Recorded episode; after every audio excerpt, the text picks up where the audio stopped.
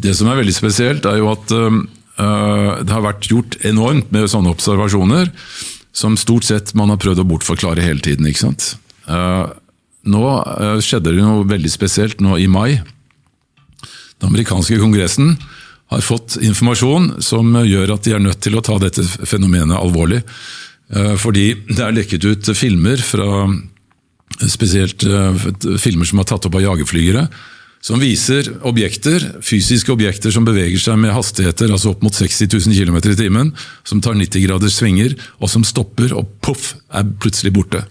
Og Dette er noe som de har observert over lang tid. Uh, ifølge disse jagerflyverne som nå har valgt å stå frem, så sier de at dette er noe som de ser nesten daglig. Nå må jeg bare ta et skikkelig kremt her. Ja. Og uh, nå har Pentagon uh, erkjent at ufo-fenomener De kaller det ikke ufo, de kaller det UAP, altså Unidentified Aerial Phenomena. Mm. Uidentifiserte luftfenomener. Eh, de har erkjent at dette eh, er en realitet, og vi er nødt til å prøve å finne ut mer av hva det er, for det kan representere en sikkerhetsrisiko. Altså Med en gang du kan definere som en trussel mot din sikkerhet, så er det verdt å begynne å se på det. ikke sant? Sånn at uh, i, faktisk På 17. mai i år så var det en svær høring i den amerikanske kongressen som tok opp hele dette problemet for å snakke om hvordan man skulle forholde seg til det. Og Resultatet av det er at Pentagon har satt ned en svær sånn undersøkelseskomité som skal undersøke dette. NASA har etablert en svær komité som skal undersøke dette videre. Men både NASA, Pentagon og Kongressen erkjenner at ufo-fenomenet er reelt. Mm. Dette sto det noen små notiser om i norske aviser. I New York Times og andre så var det svære oppslag. Fordi dette er altså så grensesprengende, egentlig. Det betyr at det finnes noe, eller noen i universet, som har en teknologi som er kanskje millioner av år foran vår. Og de har sannsynligvis vært der hele tida og observert oss. Når du begynner å se på alle de observasjonene som er gjort, altså de siste 70 årene etter annen verdenskrig, så var det vanvittig mye sånne observasjoner. og det er jo Altså, jeg har laget en film eh, som heter The Day Before Disclosure, som vi lagde for ti år siden. Mm -hmm. Eller tolv år siden er det vel nå.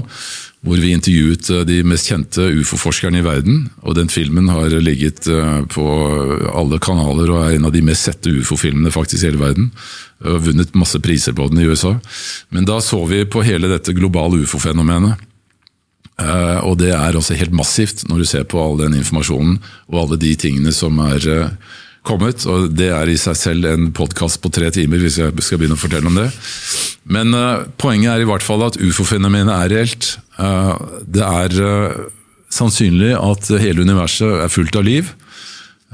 Vi har i dag kartlagt ca. 40 milliarder Eh, planeter i, eget, i, vår egen galakse, altså i Melkeveien. Mm. Og, eh, altså, og, det er altså snakk om 40 milliarder planeter hvor det er uh, sannsynlige betingelser for liv, fordi man også har sett at det er vann der. At, altså, det kan man også se ved sånne spektralanalyser av, av, av lys. Og man ser også at det er mange av disse som har CO2 i atmosfæren. I tillegg så har man kartlagt altså 20 milliarder galakser. Så hvis du ganger 20 eh, milliarder galakser med 40 eh, milliarder planeter, mm. så begynner du å få et tall som sier at uh, sannsynligheten for at vi er alene i universet, er lik null. Altså Det er sannsynligvis liv veldig veldig mange andre steder. Og det kan være liv helt andre, i helt andre former enn det vi uh, har her. Men også sikkert liv som er veldig likt det vi har her. Og Eh, jeg kan jo bare gi deg et lite tips. Det er en kar som heter Håkon Bunes, som har vært en sånn ivrig ufo-forsker i Norge i mange mange år. Han har studert alle disse beretningene som har kommet eh, i løpet av de siste 70 årene, om hvordan forskjellige typer entiteter ser ut, som folk hevder å ha møtt. Mm. Og det er ikke bare én gang eller to ganger, men altså 100 000 ganger. Så han, har laget, han er illustratør og har laget en bok med illustrasjoner av 70 forskjellige typer aliens som er observert her på jorda. Den boka er ganske spennende. Altså. Hmm. Uh, han har gjort en kjempejobb, holdt på med dette mange mange, mange år. men uh, Vanskelig å verifisere, selvfølgelig, men uh, det sier litt om at mange av disse som sannsynligvis kommer hit, de ser akkurat ut som oss. Noen av de er mer reptillignende, noen av de er mer insektlignende. osv. Men uh, det er veldig mange av de har likheter med andre former for uh, flercellet liv som er her på jorda, bare at de er mye mer avanserte da i Altså du, kan, du har bl.a. insektoider som ser ut som sånne store gresshopper. Som, er, som veldig mange mennesker som har hevder ha vært oppi disse farkostene, Eh, sier at de har vært med på forskningsprogrammer hvor disse insektoidene driver og undersøker det menneskelige emosjonelle spekteret som de er veldig fascinert av. Mm. De blir fortalt at mennesker har en særegen, altså mennesker på jorda har en særegen, særegent utviklet eh, emosjonell struktur som for mange av disse andre beboerne i universet er veldig spennende å utforske. Som de ikke har på samme måte, og Det er til og med mange som hevder at det er programmer som, hvor de driver og lager sånne hybrider da, mellom mennesker og andre typer uh, extraterrestrials. For å, å, prøve å ta noe av det menneskelige, skal vi si, emosjonelle uh, arvestoffet over i andre typer. Og Dette finnes det altså hyllemeter på hyllemeter på hyllemeter med beretninger og bøker om, hvis man gidder å lese. Og Det er konferanser om det rundt i hele verden hele tiden. Ehm, store konferanser som behandler disse tingene. Men det er klart det er ingen avisjournalist i Norge som eh, med, eh, vil risikere sin integritet eller jobben sin ved å begynne å skrive om det. ikke sant? Mm. For det blir sett på som så uh, vanvittig fjernt. Men dette er de nå i ferd med å gå opp for også den amerikanske kongressen. At vi, dette er et fenomen som ikke vi kan overse lenger. Og jeg mener det i seg selv er altså en så stor anomalie som da utfordrer vårt materialistiske, ekstremt nærøyde, innsnevrede forståelse av virkeligheten. At mm. Eh, det, er, altså det, er, helt mind-blowing, egentlig. Mm. Hva, hva, hva, tror du personlig? personlig? Hva, Nei, personlig så, så, så eh, Altså, jeg vet, jeg har sett ting selv mm. som, uh, som jeg ikke kan forklare. Ja. Um, jeg kan fortelle at faren min han jeg jobbet på Lista flyplass i 1952. Eh, for da skulle de bygge om flyplassen fra en tysk flyplass til en eh, norsk militærflyplass. Eh, han var ingeniør, sivilingeniør, og kom på jobb på mandag morgen. og Da var hele flyplassen i Det var helt sånn Han sa det var en utrolig merkelig stemning, for alle fløy rundt og så helt rare ut. For det hadde skjedd noe da på den søndagen, mm. hvor det sto et militærkompani oppstilt på flyplassen. Og så kom det plutselig en svær skive på eh, sånn 12-15 meters uh, diameter seilende inn fra havet. Lista ligger jo helt ute altså ved kysten, helt syd i Norge. ikke sant? Uh, en svær skive som kom inn over flyplassen og stoppet opp, helt lydløst. Og så seilte den bare videre og forsvant ut av synsfeltet. Men de kunne se det på radaren på flyplassen, og så ringte de umiddelbart til Kjevik flyplass, som var neste flyplass, sa nå må dere følge med, for nå kommer det noe rart her. Og de tok det på sin radar. Og fulgte det oppover eh, til det forsvant, da, til de ikke kunne følge det lenger når de kom litt opp, opp mot Kragerø, oppover eh, norskekysten. Mm. Og eh, Min far fortalte at han ble jo helt fjetret. Han så det ikke selv, men det var den store snakkisen da i mange uker etterpå. Alle de som hadde sett dette her. Så Han kjøpte jo da en bok som kom ut et år etterpå, som heter 'Flyvende tallerkener har landet'. Hvor det var han George Adamski som skrev om disse observasjonene i USA da, som var etter krigen. Og Den boka fant jeg i bokhylla da jeg var tolv år gammel. og Det var da mm. min interesse ble trigget. Men uh, disse observasjonene av sånne ting Eh, for min egen del så har jeg sett det en gang oppe i Hessdalen. Eh, for der har det vært massevis av sånne observasjoner. Jeg satt opp på en fjelltopp sammen med noen studenter som var med på sånt, en, en, survey, altså en sånn undersøkelse hvor de skulle prøve å fange dette på med både radar og, og, og radioinstrumenter. Så satt vi opp på en fjelltopp, så hadde det snødd, så plutselig så ble himmelen helt klar. og Jeg satt der med to videokameraer og tre fotoapparater for å se om det skjedde noe. Klokka var ett om natta. Plutselig så er det akkurat som noen flasher en sånn kjempemessig elektronblitz elektronblits rett over hodet på oss. og Jeg titter opp og så ser jeg to sånne lysende kuler. Det var mulig å si hvor langt unna det var, om det var en 100 meter, eller en kilometer eller en mil, med to veldig sterkt lysende kuler som bevegde seg helt sånn parallelt bortover. Mm. Og Jeg kunne se stjernehimmelen imellom dem, så det var ikke noe sånn fysisk forbindelse imellom, men de beveget seg helt parallelt sånn. Og Det var vel kanskje i sånn 20-30 sekunder, og så plutselig så bare så forsvant det rett ut i stjernehimmelen og ble borte. Hm. Og jeg Altså, Vi satt der, vi var, jeg og så var fire studenter. Vi, alle vi var bare sånn helt starstruck. Hva faen var det, altså, rett og slett? Og jeg hadde jo ikke rukket å trykke, trykke på en eneste utløser. Nei. Det som var fascinerende, da, var at de så jo dette på, på radaren. Og de så det på den, der, det, altså den som målte lavfrekvente radiobølger. Både oppå det målestedet som vi satt, oppe på fjelltoppen, og de så det også da ned på en målestasjon nede i dalen der. Så det både, var både en visuell observasjon, og det var en fysisk observasjon. Og Hvis du ser den filmen min som jeg lagde som heter Portalen, som vi lagde da etter dette, som jeg lagde sammen med kona mi og sønnen min, så er det åpningsscenen da, på den, eh, på den eh, er også da av et sånt tilsvarende en tilsvarende observasjon. Pluss at det er også fra den observasjonen som vi gjorde. Så det fortalte meg at det, kunne, altså det var helt umulig å forklare det med et sånt altså kjent fenomen. ikke sant? Mm. Det der Fenomenet der oppe har jo noen prøvd å forklare som at det må være refleksjoner fra lysene på Rørosbanen. og at det er de, de øh, altså beboerne der oppe som drikker altfor mye hjemmebrent, og så er det for mye innavl, og derfor de får sånne merkelige opplevelser. Men altså, vi har jo hatt vitenskapelige forskningsstasjoner oppe i Hessdalen helt siden begynnelsen av 80-tallet. Både norske og også en franske. Altså, det har vært massevis av filmteam fra utlandet, japanere og amerikanere, som har vært for å filme disse tingene. Mm. Det, og der øh, Lokalbefolkningen forteller jo om at de ser stadig sånne store gjenstander som er som, som en sånn at det, det, ser ut som et uh, passasjerfly, men uten vinduer og uten venga, som han sier.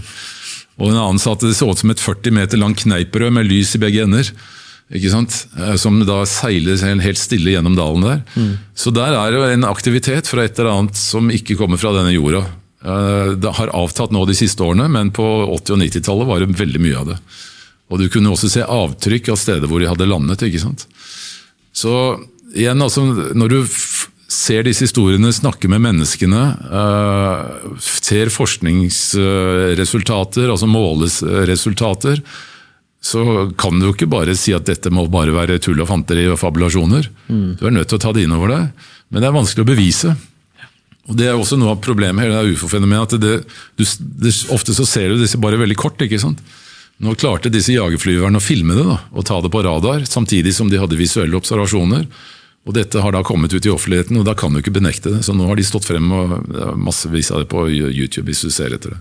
Det som er et litt problem med, i, i, med dagens mobiltelefoner, at det er Burde det ikke finnes mer bilder og videoer nå som hele verden kan dokumentere hva som foregår i verden? Ja, men Det gjør det sannsynligvis, men problemet er det at det er også veldig lett å fake sånne ting. ikke sant? Altså Etter at vi fikk Photoshop, så var jo alle fotografiske bevismaterialer det er ikke noe verdt lenger. ikke sant? Mm. Eh, så det er jo noe av eh, problemet. da. Men igjen, altså når du ser et sånt fenomen, så blir du som regel så overrasket. At det skal litt til å summe seg og begynne å ta opp mobilkamera og begynne å filme det. Mm. Fordi eh, Ofte så ser du det bare noen få sekunder, ikke sant? og så er det borte. Og Det er jo mange jeg har snakket med som sier at vi er satt der med masse kameraer, men jeg, jeg klarte ikke å trykke på avtrekkeren, for jeg var bare så helt, altså det er så totalt overrasket over det jeg plutselig så. ikke sant? Det er liksom Bilkameraer og trailersjåfører har ja, dokumentert en del. Ja. jeg har sett.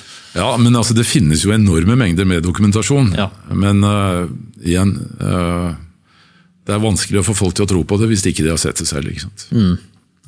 Så det mener jeg også er da en sånn klar anomalie som utfordrer vårt uh, bilde, som sier at verden er grunnleggende fysisk, og at vi er alene i universet. liksom. Mm.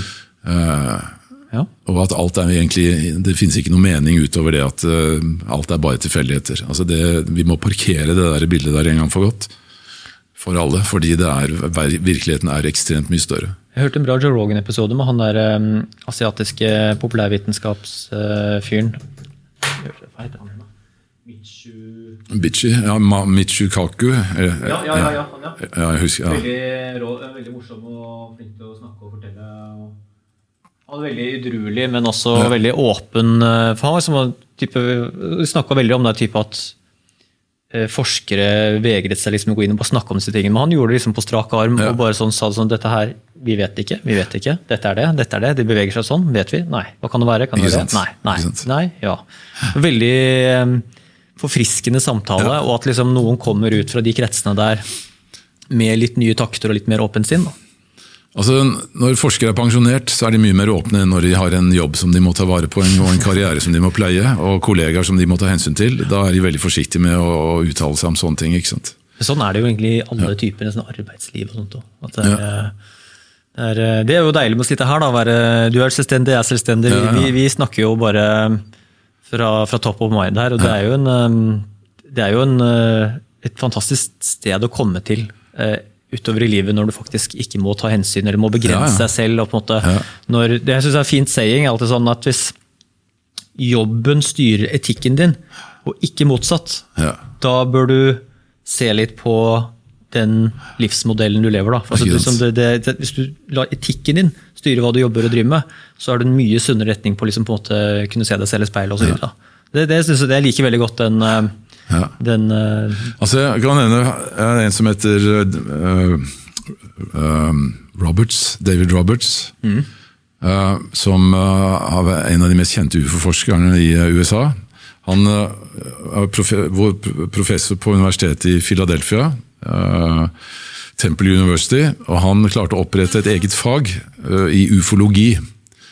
Uh, som, som han fikk godkjent av styrelsen på universitetet, og som ble kjempepopulært blant studentene. Han var egentlig professor i amerikansk historie, men han så jo det at i den amerikanske historie så var dette ufo-fenomenet faktisk en veldig vesentlig del av historien, så han fikk etablert det som et fag. Eh, men han, som han sa til meg, det at uh, de ble veldig glad når jeg begynte å nærme pensjonsalderen på universitetet, fordi at dette var Universitetsledelsen likte det overhodet ikke at jeg drev med det der. Mm. Og det som var enda verre, var det at jeg kunne ikke fortelle naboen over hekken hva jeg drev med. Ungene mine turte ikke fortelle på skolen hva, hva, hva faren deres drev med. Kona mi turte ikke fortelle venninnekretsen hva mannen hennes drev med. Så hvis du skal forske på sånne fenomener, så utsetter du deg for en voldsom altså Du blir veldig isolert. da. Mm. Han sa at det er en sånn true career killer. Altså, du dreper karrieren din. Mm. Du blir aldri forfremmet. ikke sant? Eh, når du driver med sånne altså ting som er i periferien av det som er godtatt innenfor det eksisterende paradigmet. Yes. Så Det gjør jo også at vi beveger oss veldig sakte fremover innenfor vitenskap også. Mm. Fordi det er veldig få som tør å utfordre disse dogmene. Eh, som f.eks. Darwins utviklingslære, som er basert på et dogme. Uh, som veldig mange andre ting. Uh, dette med mørk energi, mørk materie, er liksom noe vedtatt av uh, astrofysikere at sånn må det være. fordi at da får vi ligningene til å gå opp. Mm. og det å komme med en idé som utfordrer det, er nesten umulig. ikke sant? Altså Blir bare sett, en, sett, på som en amatør en idiot hvis du kommer og påstår noe annet. Mm.